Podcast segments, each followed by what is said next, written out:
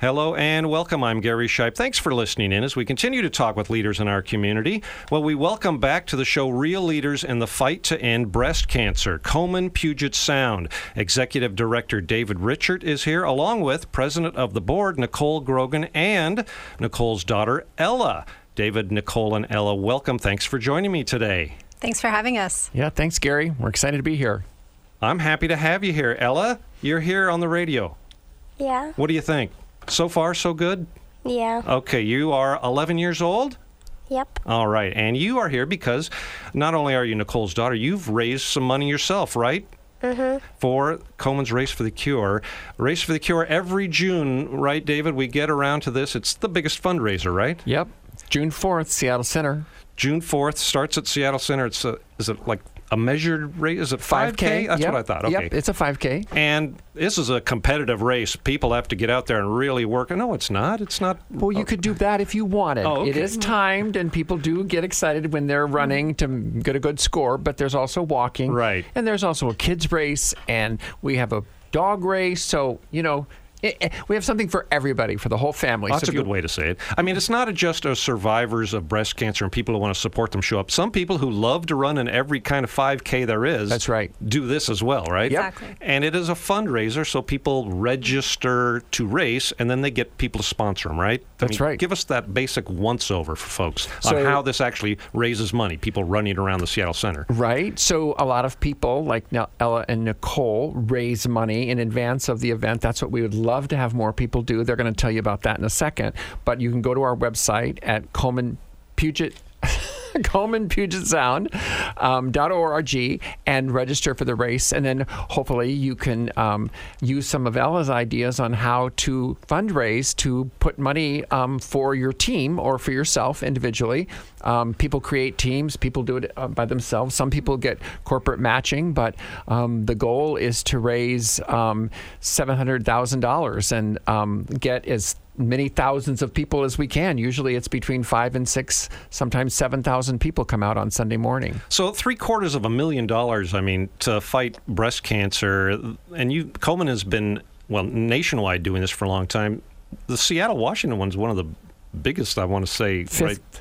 fifth of, of the 100 Yeah. affiliates across the mm-hmm. U.S., we're the fifth largest. Yeah, and Yeah. so this is a lot of money that's been raised. We've got to keep raising money. Breast cancer is still pretty prevalent, unfortunately, right? Absolutely. In our region, you know, we fund mammograms, free mammograms throughout the whole I 5 corridor. So, you know, Tacoma, Seattle, Everett, all the way up to Bellingham. And, um, you know, we give away about $750,000, almost as much as we raise at the race. And a good portion of that goes to free mammograms and to uh, financial services for women that are and families that are going through breast cancer and the chemotherapy so that they can help get payments for maybe rent or gas to get to their appointments or or whatever it is that their family needs, groceries on the table. So, um, but this year in particular, um, we have um, for our mammograms a 700 woman waiting list. We have used Oh. all the money that we have raised, um, and we're, so we're, that's even more important. Why we need folks to come out to the race this year to try to get us um, to get our hit our goal because there's kidding. so much need in the in the Puget Sound area for mammograms. Well, I don't like the sound of that, a waiting list for mammograms. Right. Because it seems pretty basic, uh, and we haven't got that.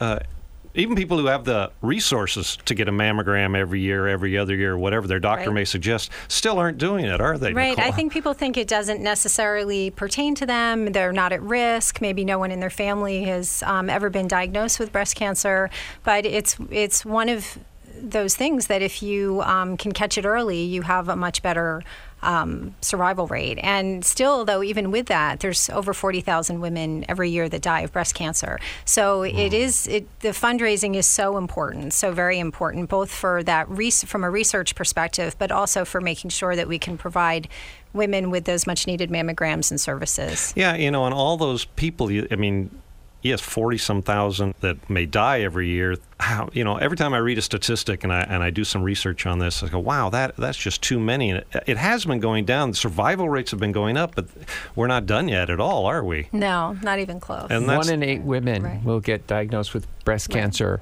So it's never going to yeah, stop, right? So, uh, And- so one in eight women. There's a lot Yeah. of So mm-hmm. that touches mm-hmm. just about everybody listening. Everybody who participates in the race knows someone who's either in their family, their close family, their their extended family, their neighborhood, their loved ones, someone at work that they've known to, someone at school. Everybody gets touched by this, and so Komen's got to keep working. Exactly. Yeah. Exactly. And that's the that's the like the big motivation. You mentioned all those services mm-hmm. given out. It's not just research to end breast cancer, living every day with it and, and trying to prevent it and and doing those things on the street. They're not just the money isn't just given to doctors and research uh, No. places. I love that list you went through, David. Yep. And so, in addition to the 750,000 that we give away to other community-based organizations to fund the services, right?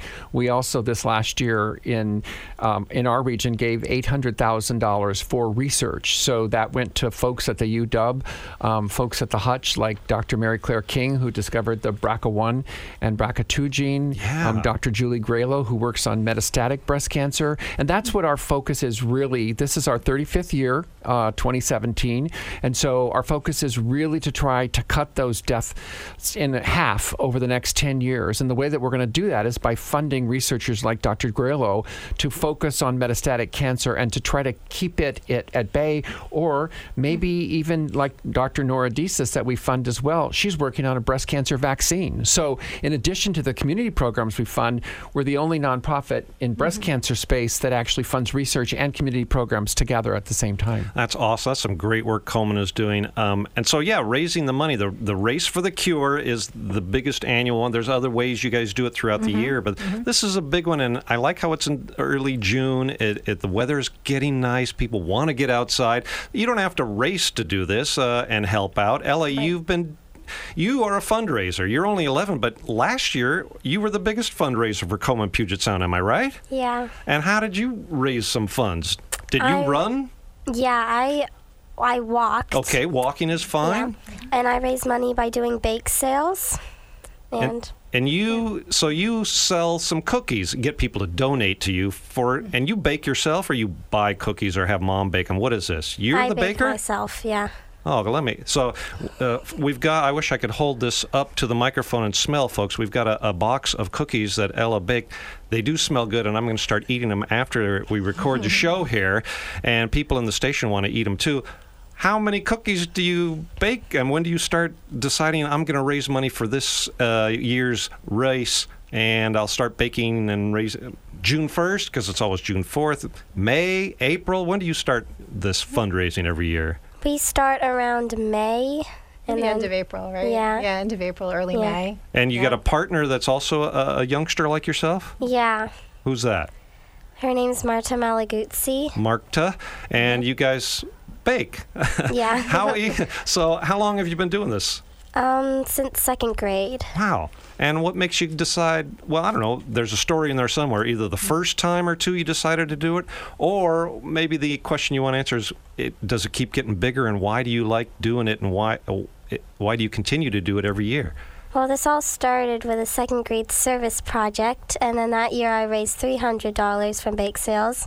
And my mom had a race team, and I wanted my own race team. So then in third grade, I got my own race team and raised even more money. And then in fourth grade, I raised $12,000 with bake sales. And then, yeah, And so, So- how, mu- how much has it been so far in total? $30,000. $30,000 Yeah. since second grade? Yeah. That's awesome. So now, do you spread that at like your elementary school and say, "Hey, I- I've raised some money for a good cause. How about you guys kick in?" Does it spread like that with other kids? I mean, a second grade project. Well, everybody's got to do some kind of project, but you picked one and you kept doing it. Mm-hmm. Do you get more of your friends and classmates interested in saying, "Hey, I'll, I'll challenge"? Did you? By the way, did you outdo your mom's fundraising one year at one point?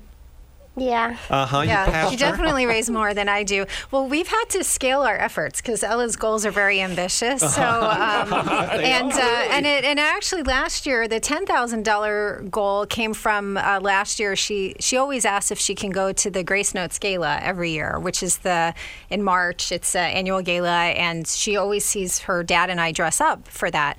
So. Um, she wanted to know why can't she go? She likes to dress up. She raises money. So she had this idea last year. If I raise ten thousand dollars, can I come to Grace Notes? So I was thinking, okay, right? Like Yeah. the chances of that, you know, are pretty slim. That's a promise I can commit to. But meanwhile, concurrently, without me knowing, the um, the committee that organizes Grace Notes thought that it would be great to have her cookies as an auction item. So they had approached me to say, "How would you feel about Ella coming to Grace Notes?" And so when she made her ten thousand dollar, when she reached that goal, and actually hit twelve thousand last year, we said she could go to Grace Notes, and so she went. She got to get dressed up and go on stage with her plate of cookies, and then raise five thousand dollars. So I said to her, "You maybe you'll be invited back again next year. That's a pretty good, uh, yeah, pretty pretty good amount of money to raise for cookies." But we've um, we, we've scaled our efforts to we'll host multiple bake sales and then ella will ask different friends of hers to manage the bake sale so this past sunday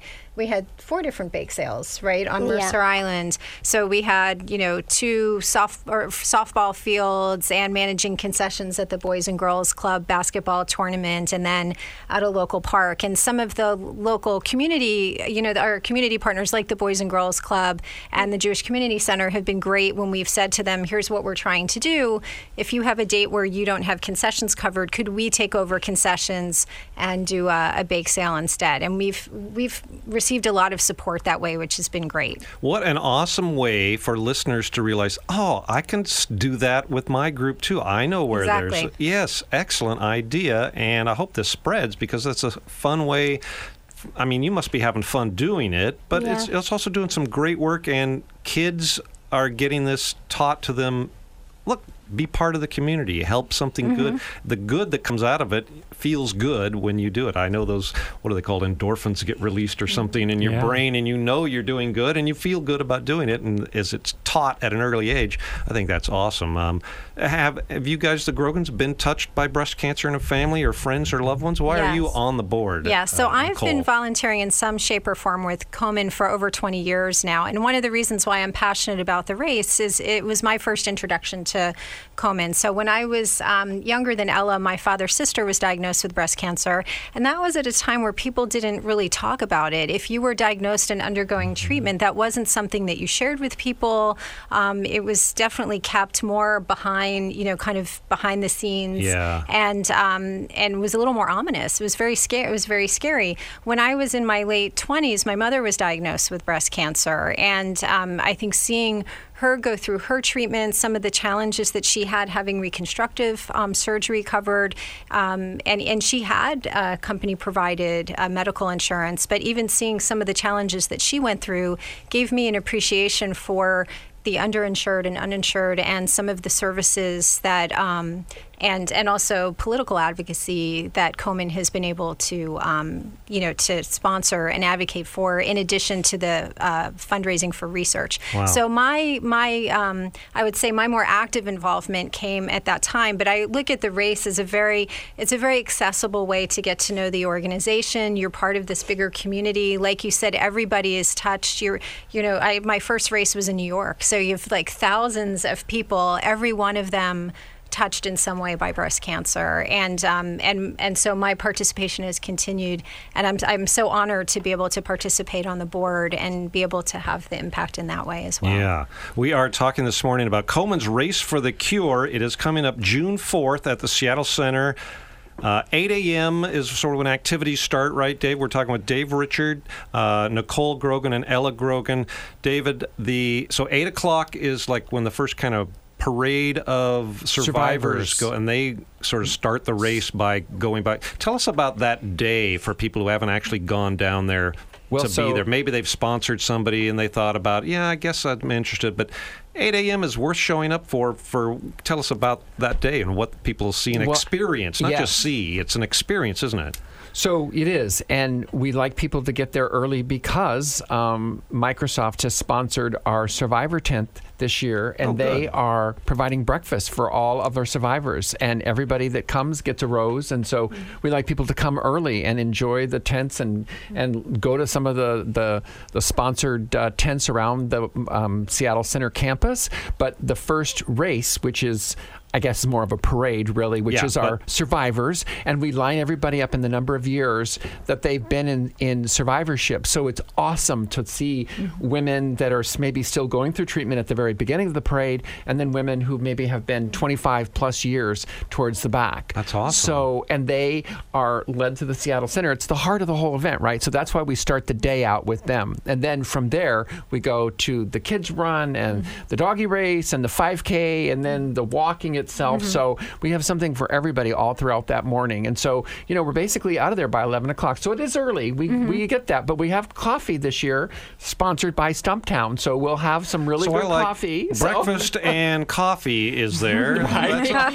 Got all the bases covered. And how about after the as people come in, tell about the tents and maybe some speeches that are given and some people talk. Uh, So when, when everyone comes through and when they're done with whatever, if they run or if they've walked, then um, actually the Seahawks Blue Thunder plays for them as they cross the line, and then we have Kinda like an honor, it sounds is. like, to it an honor, and then we always hang uh, every survivor that goes through the race or walks it or runs it or whatever. They get a medal, and so we have other survivors that give medals to the survivors. It's very moving at the very end, right? Oh my gosh, it's amazing. So. And then we have um, sponsored tents. You know, we have Ford giving away um, their Ford Warrior scarves. Um, we've got all sorts of folks that are there um, talking about um, their support of Komen. Bank of America is there. All of our um, top. Um, sponsors like QFC, who's providing all the food for everybody. We have UPS, is an amazing sponsor that helps us with all the sort of logistics, if you will. Yeah. Um, and this year, Premera is actually sponsoring with a partnership with the Mariners, so that this year, this whole season of the Mariners, if one of the Mariners steals a base, Premera pays Komen $250, $250 per steal with a top um, gift of 30,000. So if you go to the Mariners game on May 20th, then you'll be able to see that um, if somebody steals a base, there'll be an announcement about Komen. We'll have a table there, but all throughout the season, and they'll Premera will be there, and we're hoping to have the uh, the Mariner Moose as well. so Oh, for the kids race. So So that is so cool that all these uh, local parts of the community get involved, and it's not just individuals that are doing this because, like we said, people know they, you know, someone in their family has breast cancer. We didn't used to talk about it, and now it's bigger and more important that people. I mean, we wouldn't even say breast cancer on the radio 20 years ago, let alone uh, Right. as much as we see it on TV and billboards and people talk about it. And now corporations, parts of the community, are actively and openly involved. It's so nice. I mean, one of our uh, stations here, Moving 92.5, they have the morning team, Brook and Jubal have a team. Uh, they raise a lot of money. A lot of radio stations do that. It's part of the action.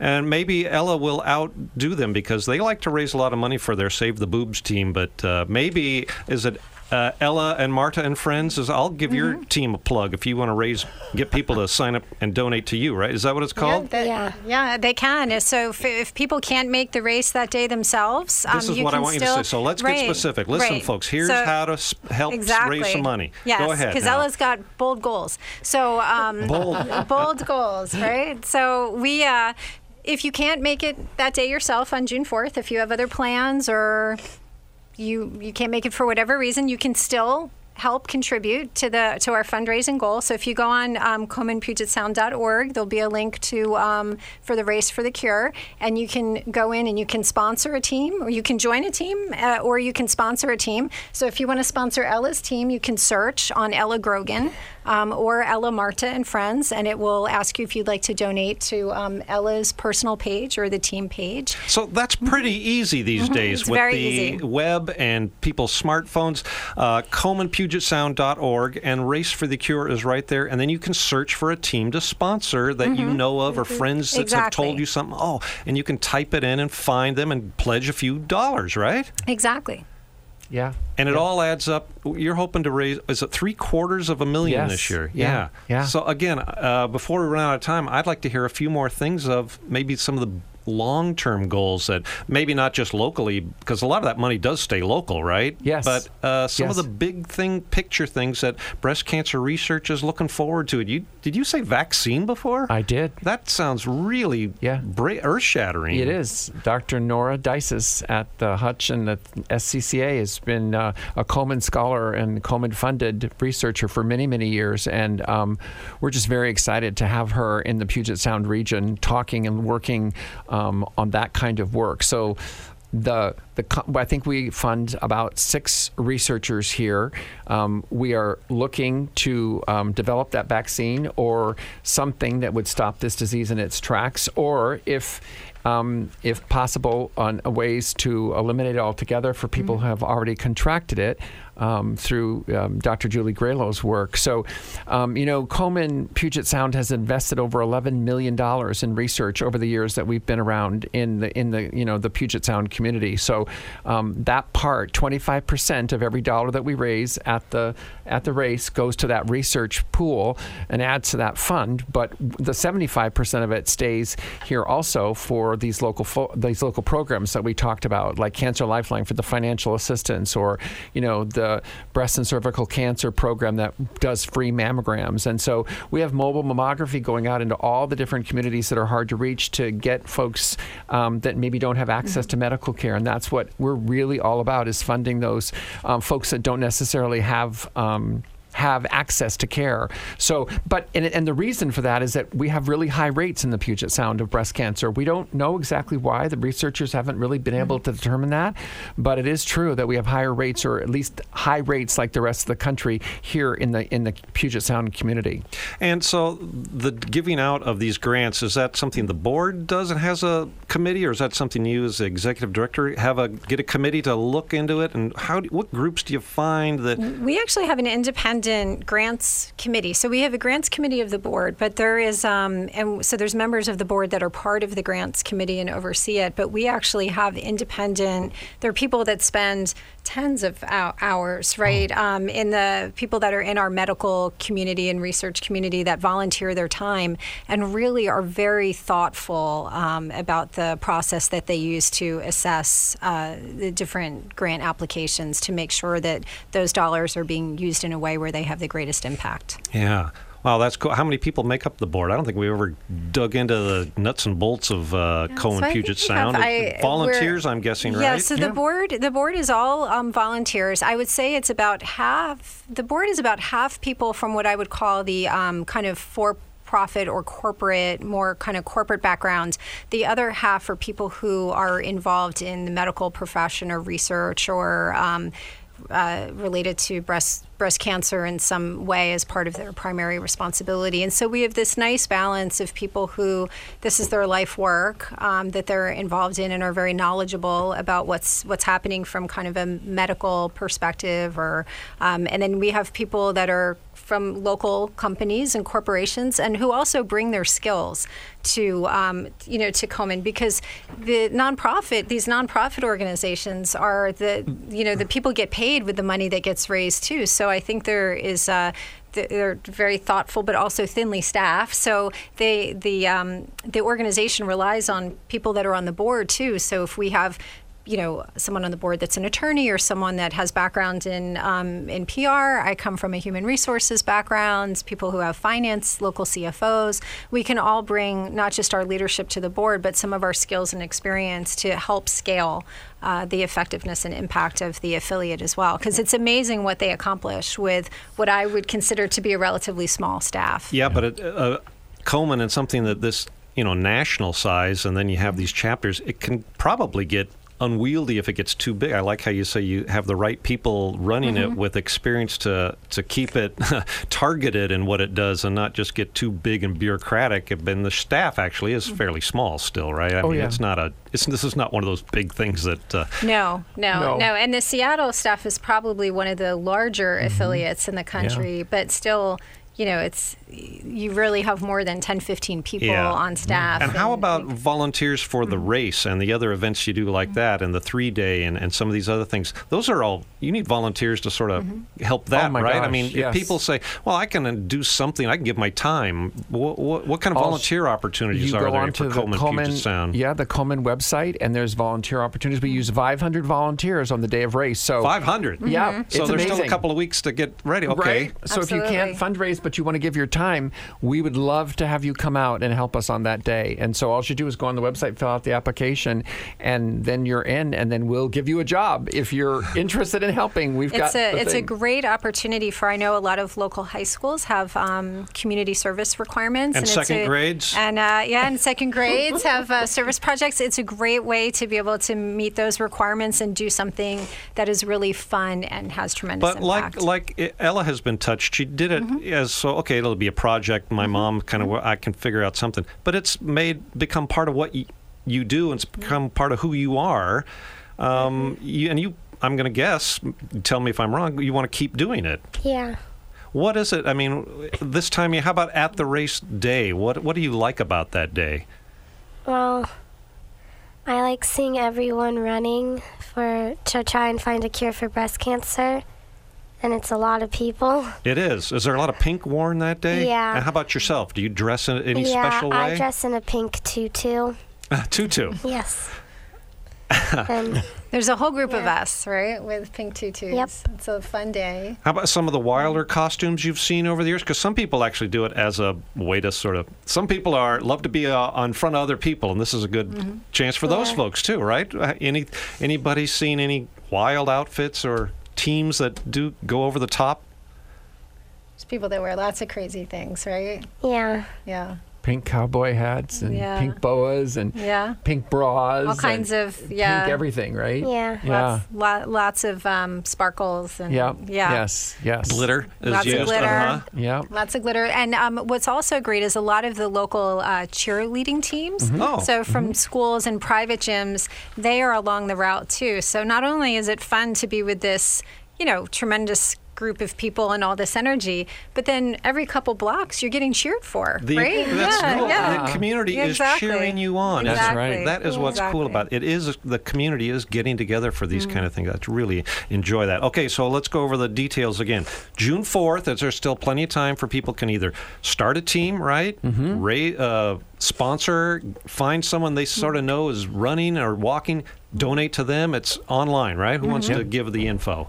KomenPugetSound.org. And then race for the cure. There's a nice tab there. It's Yep. easy, right? Yep, and then it, you can go from there, and it, it'll tell you how to fundraise. It has a link on from the race if you want to donate. Um, all sorts of ways to, um, easy ways to figure out how to make uh, give donations. Yeah, it is easy, folks, and, and it's such a good good cause. Ella, how much money are you hoping to raise this year by baking cookies? And I couldn't resist. I, I've opened the box. I'm going to have one right now. Tell us about your goals. I want to raise more than ten thousand dollars this year. Wow, ten I'm talking with my mouth full. Ten thousand dollars selling cookies and donating to team. And let's name your team again. Go ahead and give them a shout out. I don't mind you winning this whole thing again. Ella, Marta, and friends. Ella, Marta, and friends. Good luck to you. Thank you guys so Thank much for coming. And we have been talking this morning to Dave Richard. He's the executive director. Nicole Grogan, she is the board president. And 11 year old, excuse me, I'm still swallowing, yummy, yummy chocolate chip cookie uh, baked by Ella Grogan, uh, top fundraiser of last year and maybe again this year Maybe. from Komen's Race for the Cure, Komen Puget Sound. Thank you guys so much. The annual Race for the Cure, June 4th at Seattle Center. Thanks for coming in and thanks to uh, everything you guys are doing to raise money to, to fight breast cancer and Komen in a big picture. Thank you so much for Thank being you. here. Yeah, thanks Thank for the you. opportunity to share. And thank Yeah. you to Christy Balaloso for getting this all set up for me every year. Thank you so much. I am Gary Shipe. Thanks for listening today. We hope you've learned something new. Join us again next week as we continue to talk with people that are making a difference in our community. I'm Kate Daniels. In meeting Peter Gethers now and having the opportunity to turn some pages of his new memoir, My Mother's Kitchen Breakfast, Lunch, Dinner, and the Meaning of Life, we get to do the thing I feel is so important about Mother's Day. We get to prolong the celebration as mothers deserve. So we're into the second week of celebrating, right? Peter Gethers is an American publisher, screenwriter, and author of television shows, and a very funny guy. It certainly comes through in this new book, My Mother's Kitchen, as well as the love that he has for his mother. This book is so wonderful on so many levels, and I feel we can learn a great deal. So let's meet Peter and learn more. Peter Gethers, good morning, and thank you so greatly for being with us today. Oh, thank you for having me. Well, I am just so thrilled with this new book, My Mother's Kitchen Breakfast, Lunch, Dinner, and the Meaning of Life. And it is so funny. You are just really, uh, I would say, on the comedic scale. Do you think of yourself as such? Well, the thing is, I have written a lot of comedy. I wrote pretty big hit show that played off Broadway and is still touring around the country called Old Jews Telling Jokes. And I've written a lot of sitcoms in my life, and some of my books are funny. But one of the things I think as a writer is that being funny is not necessarily uh, separate from having serious points to make. And the way my brain works is the way I hope this book works is people laugh out loud but realize there's a kind of serious message underneath all the humor. Precisely, because you are really at the core of it a writer, a writer who happens to be passionate about so many things, and that is the storytelling, passionate about food, and of course, passionate about family. I would say, in particular, your mother, eh, which is why we have this fabulous new book, My Mother's Kitchen, right?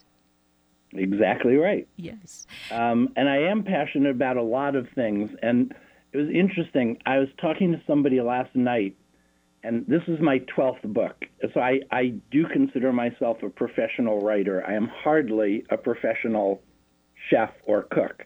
Uh, I, I am barely decent uh, as, as a cook. And somebody said to me, Was there a connection between writing and food? And I hadn't really thought about it. And then I realized, well, you know what? The connection is, and I'm this is one of my real passions, is craftsmanship. I'm I'm hardly a genius writer. I don't think of myself as an artist. I think of myself as a really good craftsman, and I value good craftsmanship. And I realize that's what I value in the kitchen as well, and that's the connection. And and it was it was really interesting to go, oh, there really is a, a connection between my two passions. So, what a fabulous discovery to make in the course of bringing us all the stories revolving around your family, around food, because of, of course, food was. Uh, really very central to what went on in your mother's life, really from early childhood, uh, it, well, her entire life, really. My mother's family owned a very famous, at the time, world famous and legendary Jewish dairy restaurant called Ratner's. Um, and you could be almost anywhere in the world, and if you were with the right people and said the word Ratner's, they would swoon. Um, it was not fine cuisine by any means. It, as I, I have said in the book, or as I said in the book, it was the kind of restaurant where midway through the meal you could actually feel your arteries start to harden. but it was delicious and culturally a major part of New York for many, many decades. My mother then went on to become a kind of celebrated cook and book cookbook writer because she took her very first job outside the home when she was 53 years old at a restaurant at the lowest possible level because she wanted to learn to be a good French cook. And at the end of that year, she wasn't just a good French cook, the baby chef at that restaurant was a guy named Wolfgang Puck. And my mother became a real mentor to Wolf and that whole generation of chefs who went on to become very famous. And she wound up opening a cooking school and cooking alongside people like Julia Child. And it, a bit to my embarrassment, since I was in my early 20s at the time, I can honestly say that since then, and as a result of my mother's move into the food world, I have not made a major and crucial decision in my life since then that has not revolved around food or drink. So it was a life changer. And isn't it then so amazing how something which seems so natural in our lives really becomes so central in this huge area that makes such a difference and and it really which is what the book is about. You start, you wrote this because your mother was coming to the end of her life, and you wanted to do some special things for her.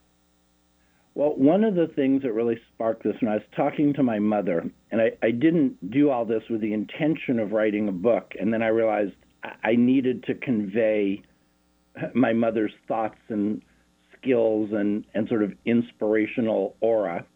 Uh, I asked her, she had had a major stroke and she was quite aphasic, and so conversation was difficult, but you could get there. And I asked her what was so important about cooking to her. And she thought long and hard, and I, I thought it was going to be something like, oh, because it made other people feel good and I was able to share things. And she said, no, it was for myself. And I said, really? And she said, yes. Cooking gave her an identity, and an identity brought her comfort. And I thought, you know what? In today's world, especially, so many people are looking for comfort. So I decided to see what it was that gave her that identity and comfort. And she gave me her favorite foods, breakfast, lunch, and dinner, and I learned to cook all of them for her.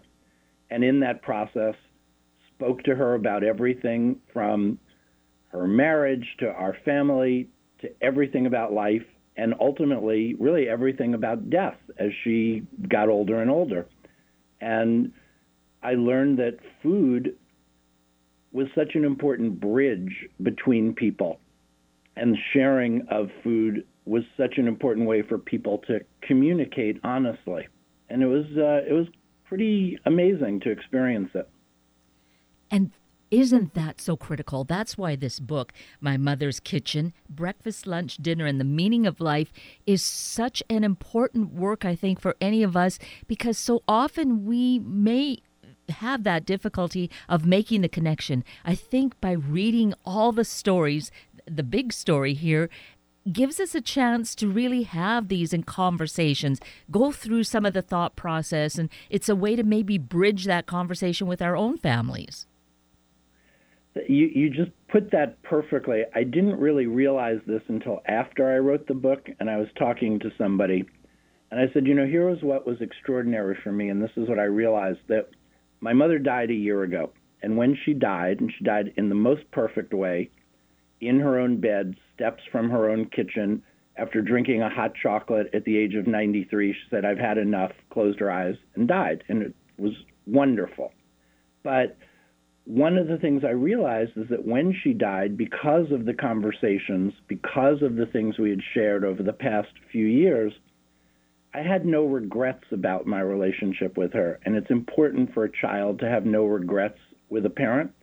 And she had no regrets with me. And it's important for a parent to have no regrets with a child. That doesn't mean, you know, we never argued or anything. Neither of us are perfect. But we said everything and did everything we needed to do to and for each other. And to me, that's the lesson of the book, how, how wonderful that is.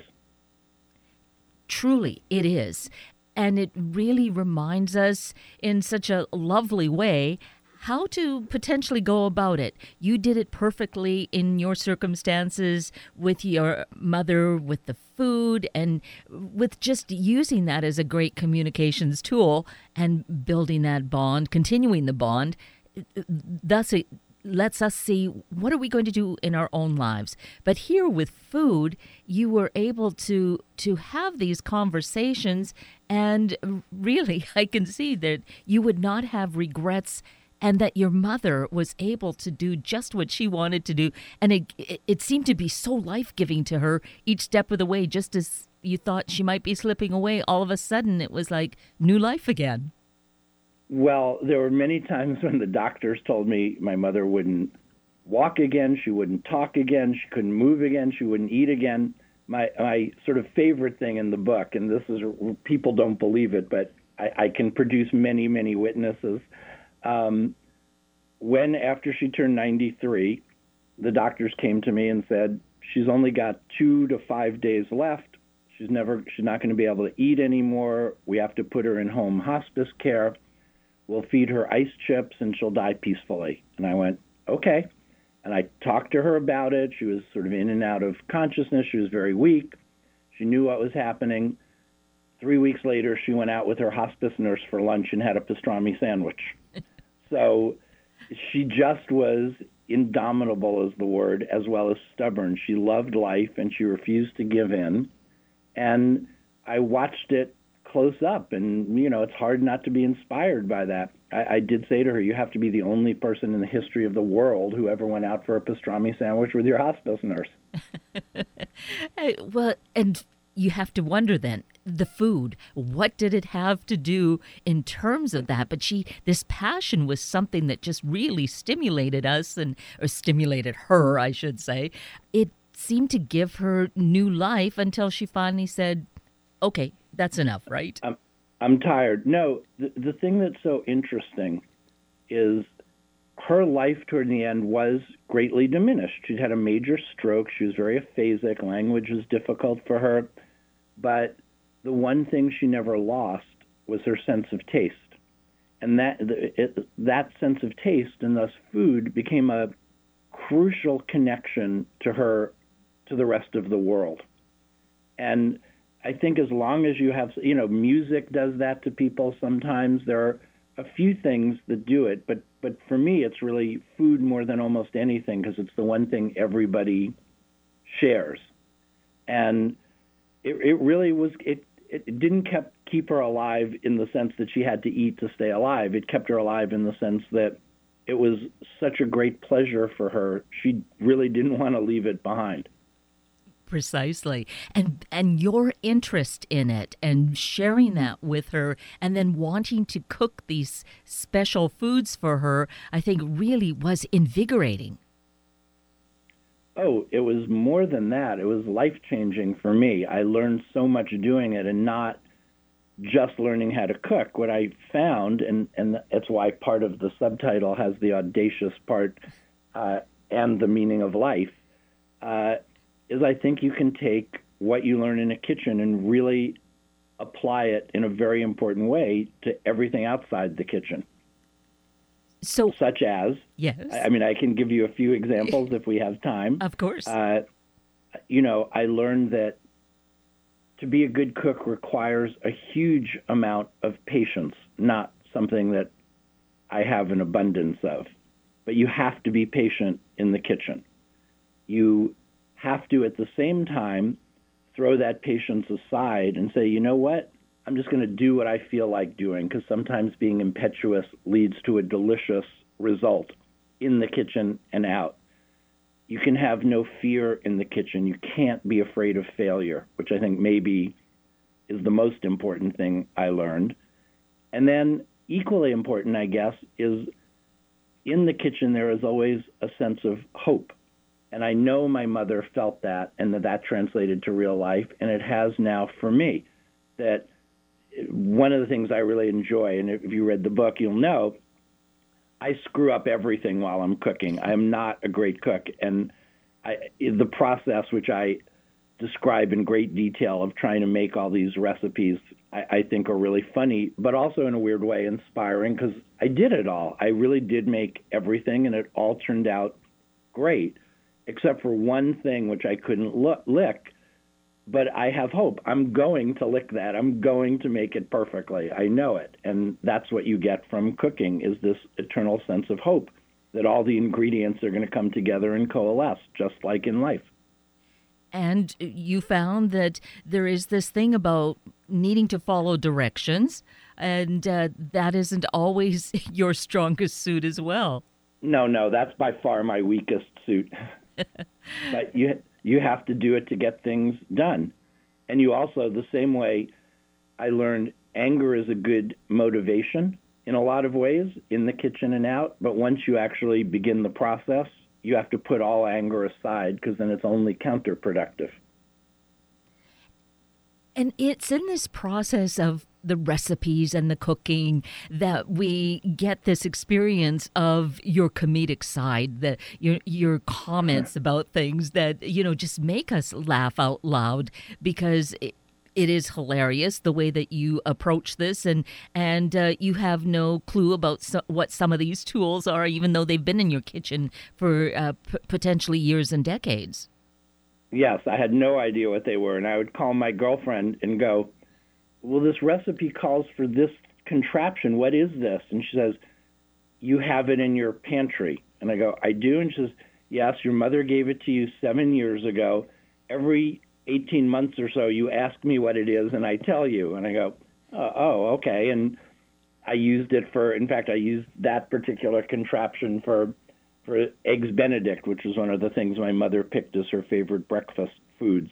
And yeah, I, you know, basically, I'm adult in the kitchen and it was really fun to learn the craft of cooking along the way and share that with people. I, I do think it's kind of valuable because if you follow the the 15 or so recipes that I follow in the book, you're going to be able to make really good meals, but you're also going to not worry so much when you go, I have no idea what I'm doing.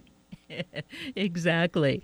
And the majority of these really were the the foods that your mother had a special connection to that she really had a, a bias i would say towards and let's talk about that special breakfast the matzo brei matzo brei matzo yeah. brei well uh, everything that my mother picked for breakfast lunch and dinner wasn't just because she loved the taste it was because everything in there had an emotional resonance for her and often for me and they certainly do now because, again, food brings about a, an incredible sense memory about the past.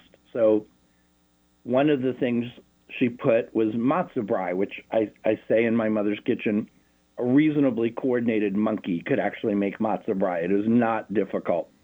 And it was something that her father used to have in Ratner's in the family restaurant.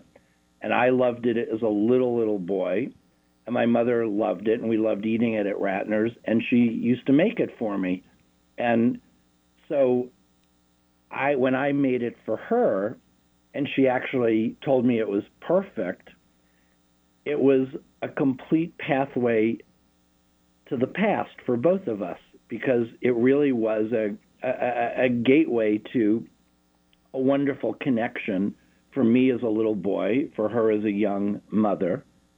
And one of the things I write about in the book, if you're lucky enough for your parents to, to really get as old as my mother got, 93, there's a certain change that happens uh, in that you kind of reverse roles. And for my mother, especially after her stroke, I had to become the parent in a lot of ways, and she became the child because there were things she couldn't do.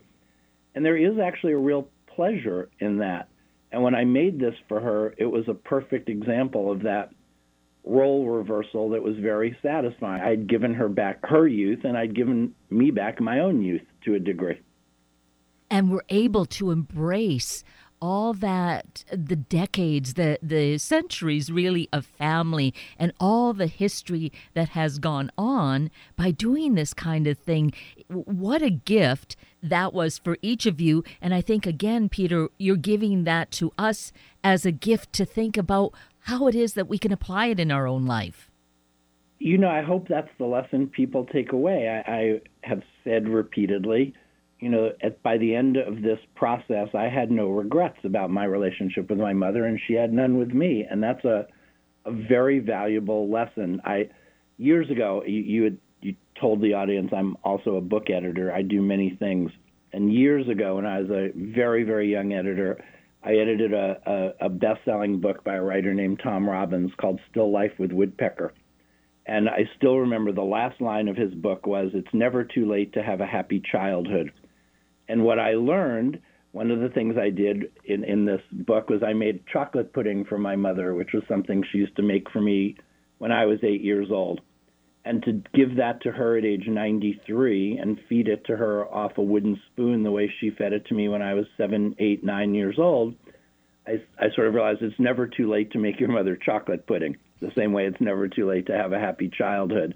And, you know, it's a good lesson to not have regrets with your parent, and a good lesson for a parent not to have regrets with a child. Oh, absolutely, without question.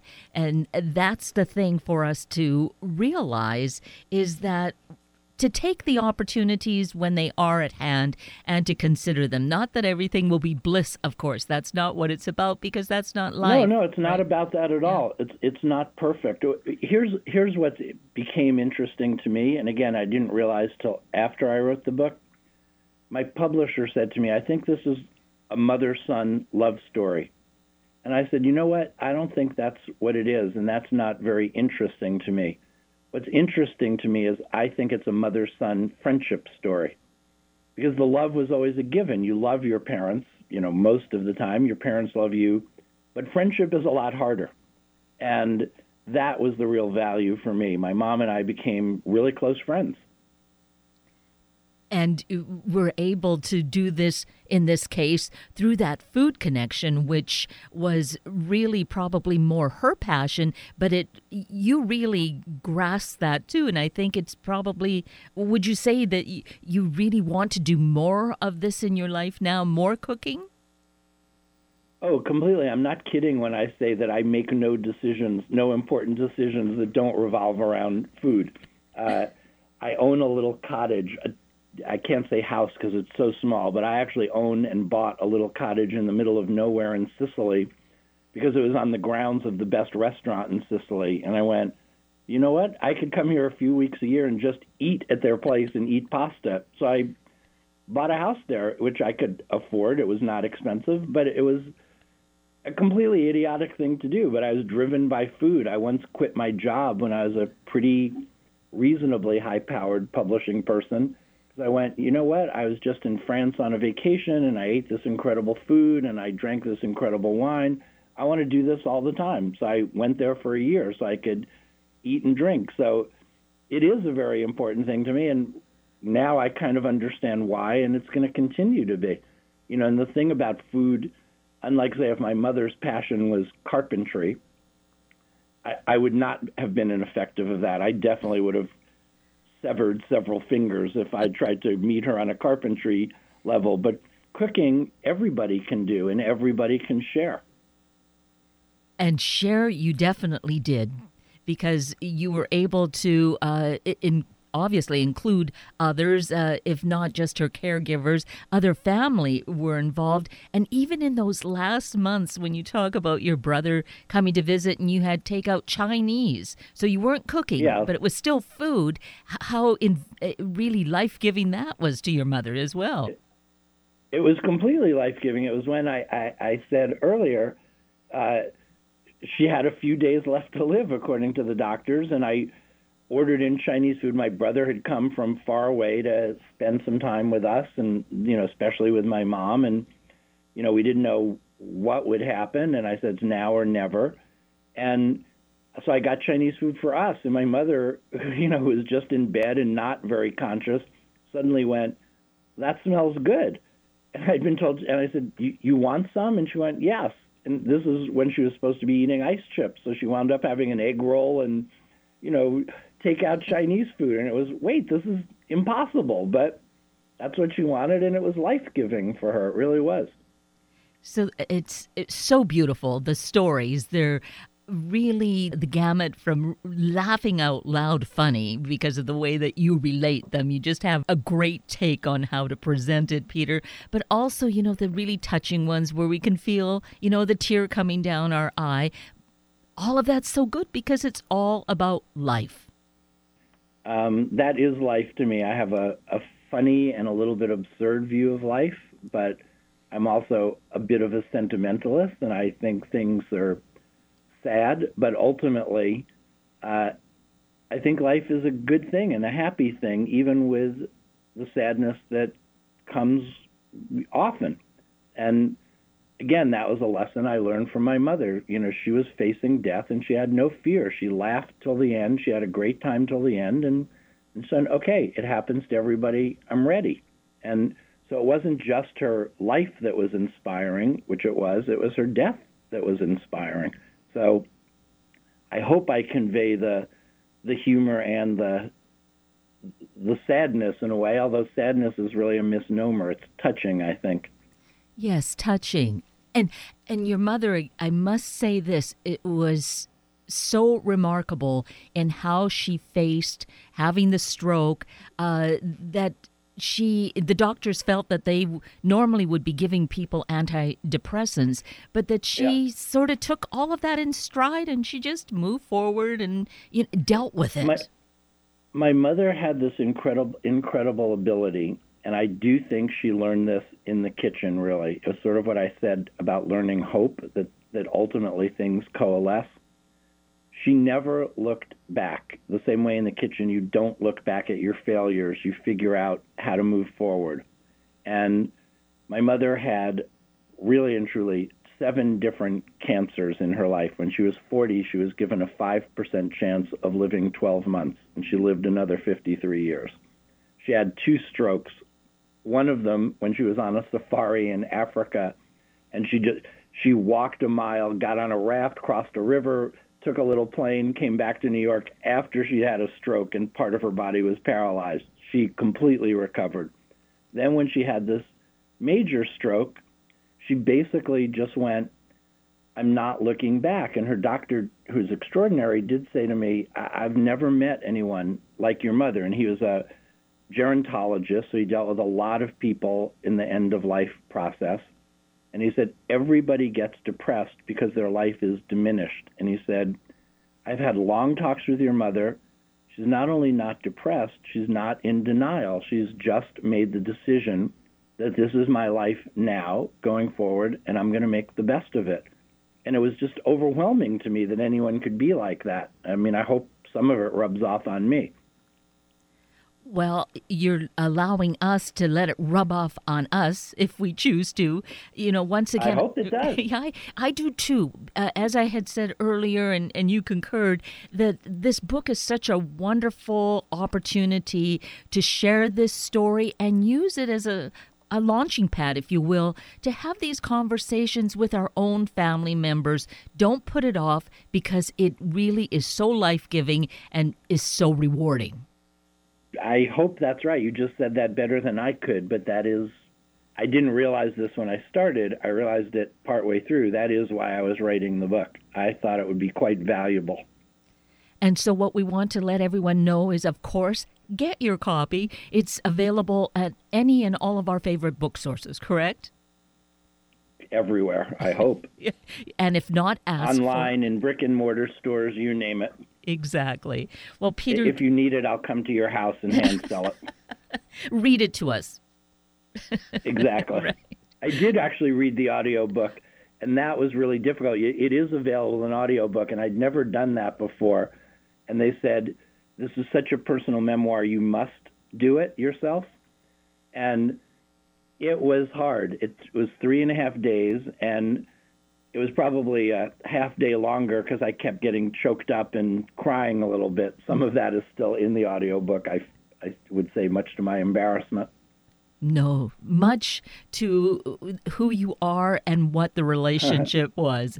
I think that that's just so beautiful. Well, Peter Gethers, we certainly appreciate that you've written this wonderful book, My Mother's Kitchen. We need to get our own copy. Thank you so greatly and have a most wonderful day. Oh, thank you so much. You too.